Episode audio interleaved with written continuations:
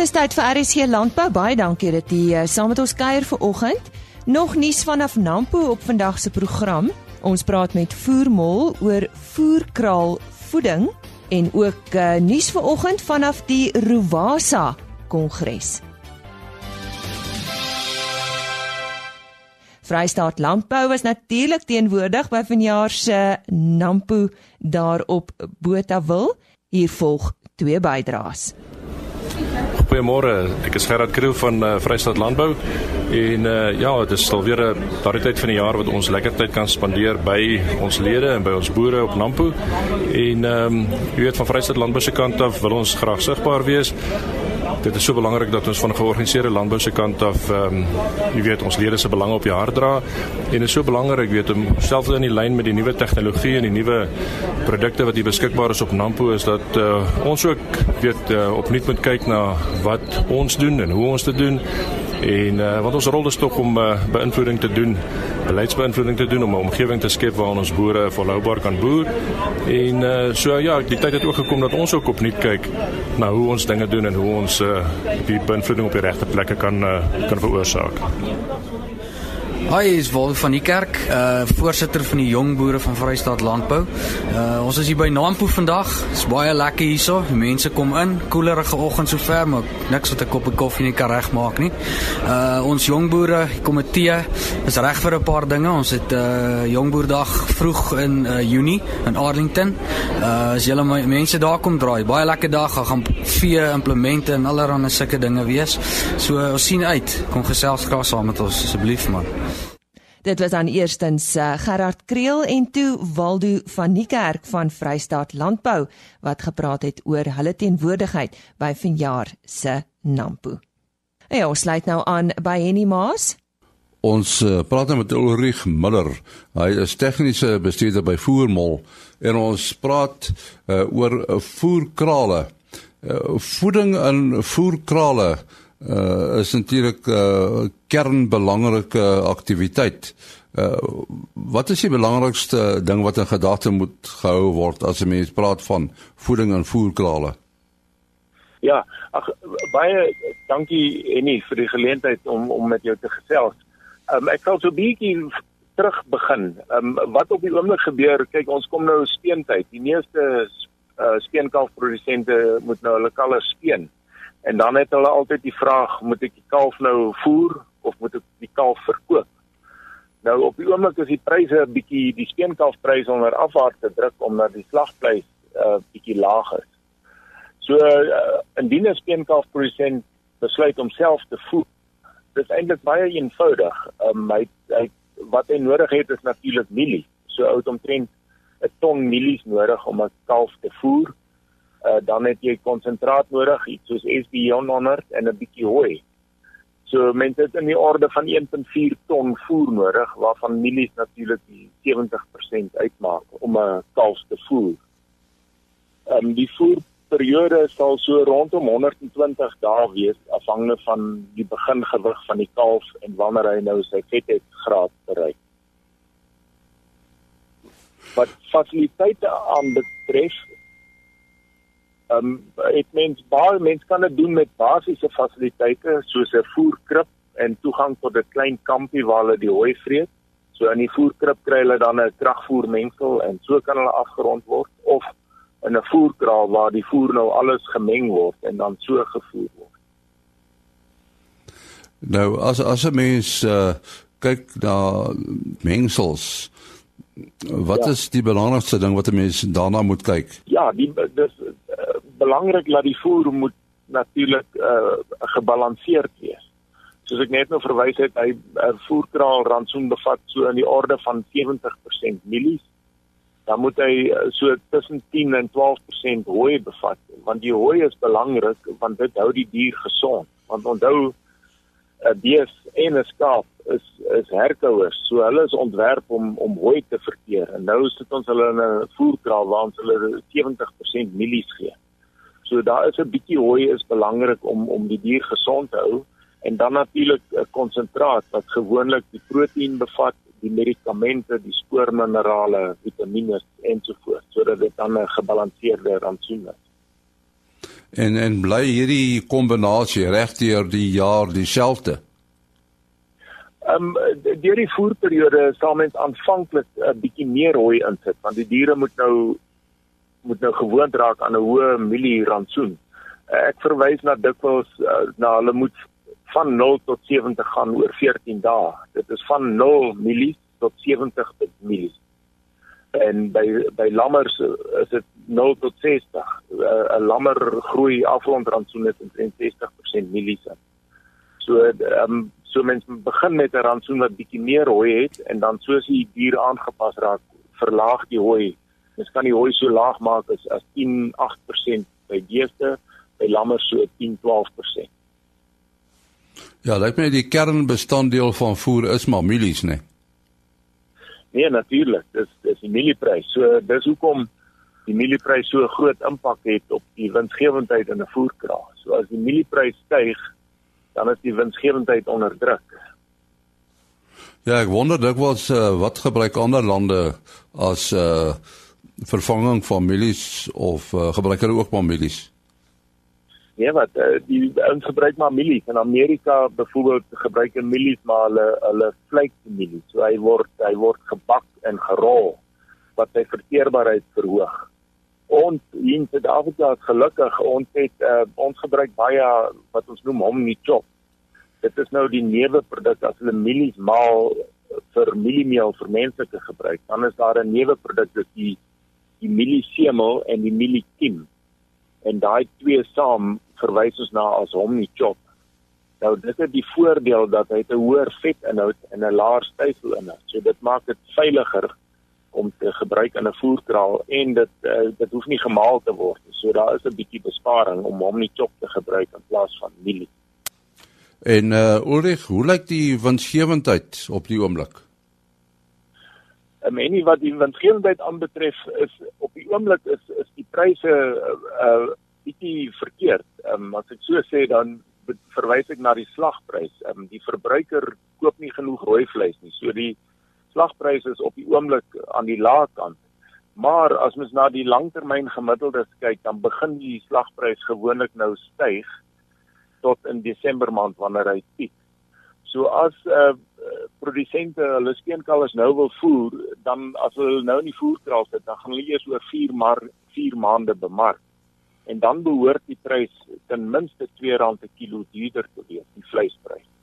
En dan dan sal dit weer winsgewend wees om te voer.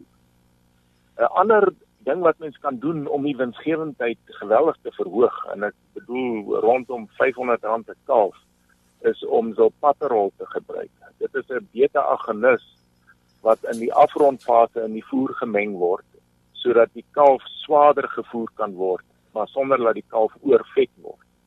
Sodoende kan mens die staan daar in die voerkraal verleng en dit het 'n groot impak op winsgewendheid. Wat die zulpaterol ook doen, hy verhoog die uitslagpersentasie wat weer 'n groot plus is vir winsgewendheid. Nou die voerkraalbedryf het onlangs 'n lekker meevallertjie gekry omdat daar 'n tweede verskaffer in die mark kom met met zulpaterol. En dit het gemaak dat die prys van Zolpatrol met omtrent 30% gedaal het wat in die orde van 70 na 80 rand per kalf werd is. Nou ja, ons sê dankie aan Ulrich Müller. Hy is die tegniese bestuurder van Voermol. Dankie Henny. Een van ons medewerkers, uh, Isak Hofmeyer, het vanjaar se Ruwasa kongres bygewoon. Dr. Chris van Duyk is die uitvoerende hoof van die MPO die melkprodusente organisasie en hy is hier by die Ruwasa kongres as hy die eerste spreker vanoggend gewees. Chris, jy het die um, suiwerbedryf in oënskou geneem. Wat was jou boodskap?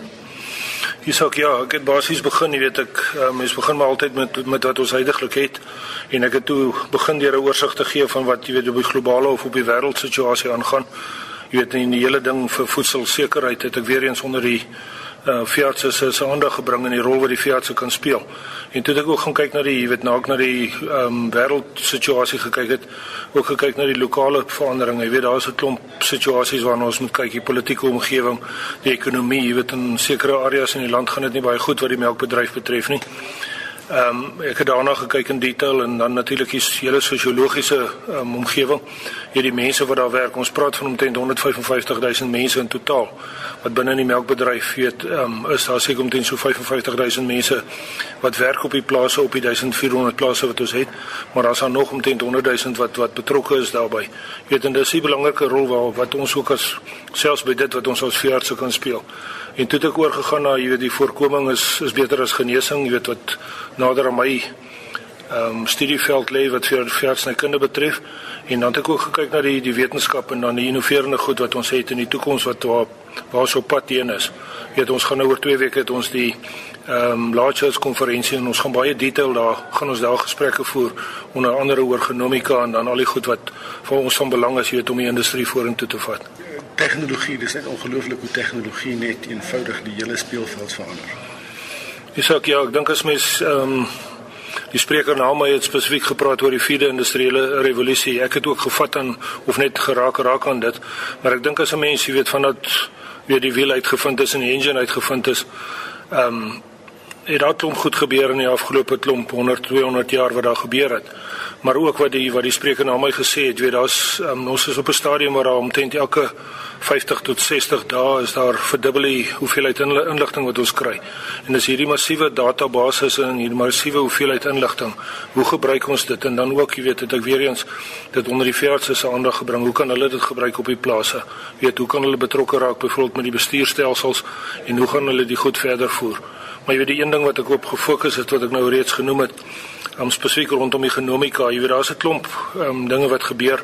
Die sogenaamde uh DGP of die suiwel genomiese projek is 'n projek waar ba baie rande in belê is wat ons gegaan het en ons het nou die basiese kartering of die vaststelling gedoen van die van die ehm um, omtrent 2000 beeste in Suid-Afrika met die uh, genoom het ons gaan kwantifiseer as ek dit so kan doen kan noem en gaan kyk daarna. Maar jy weet daar's ander goed ook soos ehm um, epigenomika ehm um, nutrigenomika wat dan byvoorbeeld die effek wat wat voeding op die diere kan hê en wat dit uiteindelik gaan bydra, jy weet, tot 'n moontlike verandering wat die genetiese samestelling van daai koei betref.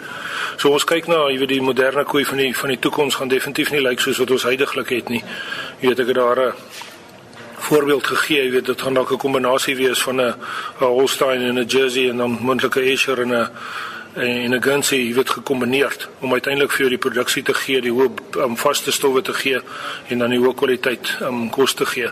Maar ek dink binne in die hele genomika wêreld um, begin ons definitief kyk, jy weet wat diere gesondheid ook betref. Hier daar's merkers op die genoom wat vir ons diere gesondheid na kan kyk, jy weet longontstekings, al die goed wat uiteindelik bydra tot die sogenaamde welsyn van die diere wat baie belangrik is om aan te spreek. En ek dink dit is belangrik dat ons as veeartse, jy weet dat ons die sertifikaat se veearts wat die ehm um, boere daar buite diens ehm um, laat hulle wel bewus is daarvan en laat hulle ook uh, jy weet hulle is reeds op die voorpunt maar ons moet altyd op die voorpunt on, en op die snykant van van ontwikkelinge goed moet ons wees. Die, die jy praat van die snykant en dis die deeltjie wat my so half hier aan die kant die hele tyd bly pla want hoe daai snykant is baie dun. Dis baie maklik om af te val. Die risiko is groot. Dis ook ja, as mens gaan kyk na um, risiko's binne in die suiwelbedryf hier, daar's 'n lang lys van goed. Ja, die eerste is seker die besigheidsrisiko's wat die boere daarby het, maar dan ook die veeartse, maar ek dink 'n belangrike goed waarna ons moet kyk, ja, dis die um, drie aspekte weer eens wat ek dink is dierewelsyn, die dieregesondheid en dan biosekuriteit. As ons miskien gaan kyk na die snykant van van biosekuriteit. Ehm um, dis een van die redes hoekom ons jy weet die die uitbreek um, nou onlangs gehad het of in die begin van die jaar van van back and close hier daarbo in die Limpopo um, area. Biosekuriteit in my opinie, jy weet word daar omtrent geen aandag aan sekere industrieë gegee nie en ek dink dis 'n ding wat ons definitief baie meer moet op fokus. Jy weet ons het binne die NPO ook het ons nou 'n uh, opleidingsmateriaal ontwikkel wat ons die ding um, spesifieke module wat ons dit dan kan aanbied vir die boere um, op grondvlak en vir hulle kan sê jy weet wat is die rol van mense wat is die rol van diere en dan uiteindelik jy weet die rol van die programme die immunisasieprogramme en om die regte strategiese en effektiewe immunisasieprogramme in plek te kry. Ja, en dan die ander ding is natuurlik weer die snykante is daar die omgewingsrisiko's wat ons het. Maar ek dink 'n belangrike rol wat ons ook as veeartse het om te speel is is wat voedselveiligheid betref en dan uiteindelik die publieke gesondheid. Jy weet, ons wil 'n skoon heilsame produk wil ons uiteindelik op die rak hê. Weet sonder enige remstowwe sonder enige moontlikheid dat daar ehm um, siektes en goeie mense kan ontwikkel, maar ek dink die Suid-Afrikaanse melk, gepasteuriseerde melk kan ons verseker wees, jy weet dit is skoon heilsame melk wat ons wel kan gebruik, weet sonder enige moontlikheid dat ons enige siekte kan kry daar. Isak Hofmeyer daar in gesprek met uh, eh, Dr Chris van Duyk van die MPO en so 'n bietjie later hoor ons weer van hom, dan praat hulle oor mastitis. Nou gaan kuier ons weer by Nampo. Hallo, ek is Wim van der Merwe en saam met my my vrou Marina van der Merwe. Ons boer in Bridgetown in die Noord-Kaap met merino skaap. Uh, ons geniet ons boerdery en daarom kom ons elke jaar Nampo toe om te kyk wat is nuut om te sien. Wat is daar nuwe insette wat ons in ons besigheid kan gebruik om meer doeltreffend te wees. Uh, eendag is te min. So ons ons ons spandeer 'n paar dae hier sodat ons alles kan sien want hier is ongelooflik die hoeveelheid inligting wat 'n mens kry en wat jy weer kan gaan toepas daar by ons in die Karoo. Ons ons probeer om meer effektief te wees om die uitdagings wat daar is van die pryse en die droogtes en die politiek en kyk of ons nie kan oplossings kry by Nampo vir dit nie. Dankie. Die stem daarvan eh, Wim van der Merwe wat vertel het van hulle besoek aan Nampo. Ons medewerker in die Noord-Kaap, Koos de Pisani, u sal onthou ons het gisteroggend 'n baie hartseer verhaal oor die droogte in die Karoo en onder meer die Holliston omgewing uitgesaai. Die nasionale jeugskou word binnekort op Vryburg aangebied en die bestuur van die jeugskou het besluit om vir oulaas 'n afrigterskursus op Holliston aan te bied voor die spanne bymekaar kom. Koos de Pisani het by die organiseerder van die kursus, Hernis Leroux, gaan uitvind wat die kursus behels. Einde September is dit nasionale jeugskou op Vryburg. Baie skole het het baie betrokke geraak by die jeugskou aktiwiteite in die land. Nou Hernis Leroux van Holliston, hy is een van die manne wat al vir 'n hele klompie jare betrokke is by jeugskoue en hulle het 'n uh, hulle is besig om te reël vir 'n uh, afrigterskursus uh, wat binnekort gaan plaasvind. Ek het met Hernes gesels oor die omvang van hierdie kursus wat hulle gaan aanbied. Hernes, wanneer word die kursus aangebied? Die kursus is die 14de en die 15de Junie hou ons vir hom hier op Holliston. Vir wie wil julle almal betrek by die kursus? Dis eintlik 'n ding wat van nasionaal afgekom het toe hulle hulle bosberaad gehou het verlede jaar na die uh, SA kampioenskappe. Toe het hulle teruggekom en gevra of hulle nie of ons nie kan so dinge op Wolliston aanbied nie. Dit is maar om te probeer om al die provinsies se afrigters um op dieselfde vlak te kry, dat die speelveld vir die kinders gelyk is. Um dit ons is regtig waar dit lê ons baie na in die hart dat dit vir die kinders regverdig moet wees en jy kan dit net regverdig doen as jy die speelveld vir almal gelyk kry. Nou, die kursus uh, is dit nou vir ehm um, gevorderde uh, is dit 'n gevorderde kursus of is dit uh, meer vir uh, jou beginner uh, afrigters? Nee, hierdie een is 'n gevorderde kursus. Ons wil dit is um, mense wat aan lank by afrigting betrokke is. Dit is eintlik maar net om 'n bietjie gedagtes uit te ruil en seker te maak dat almal die reël kan ek nou maar amper sê dieselfde lees. Laat daar nie op die ou uiteinde swart areas of grys areas op die ou uiteinde is wat dit vir die kinders dan nou kan sleg maak nie. En wat gaan die kursus alles behels? Ons gaan nou Vrydag gaan ons nou uh, begin en dan gaan ons nou die klein vee gaan ons nou die klein vee rasse wat ons nog gaan vat. Die skaaprasse, die bokrasse gaan ons dan nou doen almal en dan gaan ons die vleisbeeste gaan ons ook doen. Op die oomblik is daar nog onsekerheid oor die melkbeeste. Ehm um, ons is nie seker ons gaan die melkbeeste hier gaan kan kry op die op hierdie datum nie, maar dit gaan wel in 'n later stadium gaan die melk die klompie mense wat dan nou want dit is nie al die provinsies wat melkbeeste skou nie. So dan gaan ons nou maar miskien latere tyd kyk dat ons nou net iewers ter die klompie melkbeeste mense bymekaar kry, die afrigters wat dit wel doen om hulle dan bymekaar te kry dat hulle dan ook kan so dinkskrimmetjie rondom die goed. Maar daar is tog baie ander uh, fasette ook in in die jeugskoue. Daar's duwe en daar's hoenders en daar's pluimvee en word hulle ook betrek by hierdie kursus van julle of is dit meer net die vee uh, afdelings?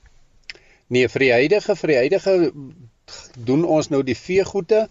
Ehm um, die ehm um, duwe, soos ek sê die duwe en die die die pere en die konyne en dan nou die tuisnywerhede die die is minder en daar is minder grys areas as wat daar by die by die beeste en by die kleinvee bestaan. So dit is hoekom ons nou maar eintlik konsentreer op die kleinvee en dan nou op die beeste. Nou die uh, mense wat nou die uh, kursus gaan uh, bywoon, uh, word dit op 'n uitnodigingsbasis geskied of kan enige iemand uh, die kursus bywoon? Nee, dis 'n ding elke provinsie het nou maar sy afrigters genomineer wat hy hiernatoe laat kom, so dit is 'n ding soos ek sê, dit is 'n ding wat van nasionaal af kom, so elke provinsie stuur sy eie af afrigters wat hy graag sou wou hiernatoe hê.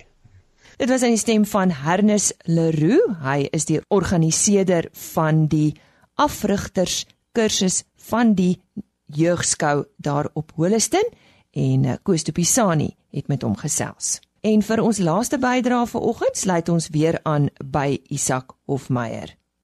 Dr. Chris van Duyk is die uh, uitvoerende hoof van die MPO, die melkprodusente organisasie en by Rovasa het hy by die kongres het hy 'n tweede voorlegging gegee en dit het gegaan oor mastitis en die ehm um, die ekonomiese impak van kliniese en subkliniese mastitis uh, hier in Suid-Afrika. Chris, maak bietjie sin vir ons kortliks oor wat jy gesê het. Jy sê ja, miskien is hy kortliks, ek dink nie ou kan kortliks oor mastitis praat nie of eier gesondheid, jy weet dis 'n lang onderwerp met maar daar's net soveel verliese wat ons het. Jy weet as jy gaan kyk eerstens na die die gevolge van mastitis, daar's 'n lang lys van gevolge. Eerstens die melkproduksie verliese wat hy het. Ehm um, jy weet jy kan vat dat 'n kliniese koei wat kliniese mastitis het, kom ons sê sy produseer 8000 liter, verloor sy tussen enigiets tussen 3 tot 5% in daai laktasie as hy 8000 liter verloor en sy het 5%, hier is dan 400 liter wat sy kan verloor in daai laktasie en as, as jy dit gaan menigvuldig met die rand en sent, dan begin dit 'n klomp geld raak. Nou gelukkig, jy weet subkliniese, ag kliniese mastitis, gewoonlik in 'n kudde is dit maar omtrent so 2% van jou ehm um, siektes of die voorkoms daarvan. Maar die groot probleem kom by subkliniese mastitis. Nou subkliniese mastitis is daai wat die wat die eier of die somatiese seltelling is verhoog Um, die koe is nie noodwendig um, klinies siek nie, maar onderliggend is sy besig om 'n infeksie te ontwikkel. En dit kan vir jou uiteindelik miljoene rande gaan um, beteken. Jy weet ek het 'n um, klein rekenaarmodelletjie wat ek ontwikkel het.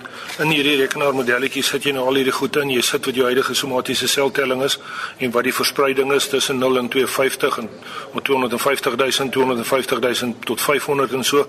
En dan kan jy gaan uitwerk, jy weet wat is jou verliese. Nou ek dink dis altyd 'n manier om uiteindelik weet hierdie gedeeltelike begrotings te gebruik om dan jy weet nader aan die boer te kom of om te sê wat is jou werklike verliese met die met hierdie mastitis. Nou ek het gekyk um, jy weet ek daai modelletjie op um, gebruik op die Suid-Afrikaanse um, syfers wat wat van stamboeke afkom en as jy die um, die syfers gaan ekstrapoleer dan verloor ons amper um, 1.1 biljoen rand per jaar as gevolg van subkliniese mastitis. Jy weet so dis nie daai jy weet dis daai klein jakkalse wat die um, wingerd vernietig en wat vir ons 'n probleem gee. So ek het jy weet dis nie Ek het nie met 'n oplossing gekom nie, maar ek dink ek het vir hulle gesê, jy weet, dis die verliese wat ons het en dan ook weer eens die versoek na die veeartse gerig, jy weet, dat ons nog meer en nog meer en intens en indringend moet betrokke raak met die voorkoming dan spesifiek van van subkliniese mastitis. So ek dink weer eens die die, die plaaslike veearts, die kudde veearts kan 'n kan 'n rol speel en hy moet die hoof, hoofrol speel. Hy's 'n opgeleide wetenskaplike spesifiek om daarna te gaan kyk. Jy weet, dan kan hulle uiteindelik kan hulle dan kom met met oplossings en van die oplossings is dan nou uiteindelik uiteindelik weet wat gaan jy doen? Gaan jy sepe nuwe sepe kry? Gaan jy nuwe melkmetodes kry? Ehm um, gaan jy nuwe antibiotikas kry? En ek dink dis die belangrike rol wat die veearts moet speel daar. Weet dit kan nie ongelukkig, jy weet ons hoor baie keer by ons buurman wat gaan aan, maar ek dink wat eiergesondheid betref, jy dis die veearts se eerste persoon wat ons moet kontak en nie noodwendig die buurman en by hom hoor wat het hy gedoen nie. Jy weet uiteindelik gaan dit oor en daar's baie subkliniese siektes, jy weet daar's BVD 'n subkliniese siekte daar's ons het gehoor vandag weer oor Johnny se siekte en oor enzootiese beeslikose en so aan. Dis alles goed wat onderliggend hardloop en vir ons probleme gee binne die industrie en dis wat maak dat ons nie ekonomies kan boer en jy weet kan optimaliseer wat ons um, besig is om te doen op die plase nie. Vanuit die boer se oogpunt word die word die begin van net weer uh, bevestig dat dat die boer vir hom kundiges rondom saamtrek om om om te help. Ek dink so ja, jy sou gou moet definitief gaan kyk, weet jy, jou kundiges wat jy moet hê, jy, jy moet 'n voedingskundige aan boord hê. Jy weet nou of jy 'n vleisbeesboer of 'n skaapboer of 'n melkboer is, jy moet 'n voedingskundige aan boord hê. Jy moet 'n kundige persoon hê wat genetika betref en en dan jy weet en ek wil amper sê die heel kundigste persoon wat jy of die mees belangrike persoon wat jy aan boord moet kry is natuurlik jou veearts. Jy weet die kudde veearts wat die omgewing ken, hy ken die land se siektes, hy weet wat aangaan in die industrie en hy kan vir jou, jy weet, van onskatbare waarde wees. Ehm um, en daai paar rand wat mense uiteindelik moontlik vir die veearts betaal, gaan in my opinie gaan dit 'n baie goeie belegging wees om seker te maak jy gebruik die regte enstof op die regte tyd. Jy ehm um, het 'n strategiese en effektiewe immunisasieprogram en dan jy weet dis um, om net 'n kalwing of 'n dragtigheidsondersoek te doen is nie noodwendig dis nie in my oogpunt is of uit my oogpunt is nie noodwendig voorkomende dieregesondheid nie. Weet jy moet na die totale prentjie gaan kyk en dan die al die goeters kan daai veearts kan dit bymekaar bring en vir jou wel iets beteken in jou strewe om suksesvol te kan boer. Dr Chris van Duyk van die MPO wat daar gesels het oor mastitis en dit was dan uh Isak Hofmeyer wat vir ons hierdie bydrae gestuur het. Hy het vanjaar se Rovasa Kongres bygewoon. Môreoggend op die program nog nuus vanaf Nampo. En ons praat ook met Vertasa of die uh, Misstofvereniging van Suid-Afrika. Dit is dan uh, van die nuus. Onthou om by ons aan te sluit net so na 05:30. Totsiens. RSG Landbou is 'n produksie van Plaas Media. Produksieregisseur Henny Maas. Aanbieding Lisa Roberts. En inhoudskoördineerder Jolandi Root.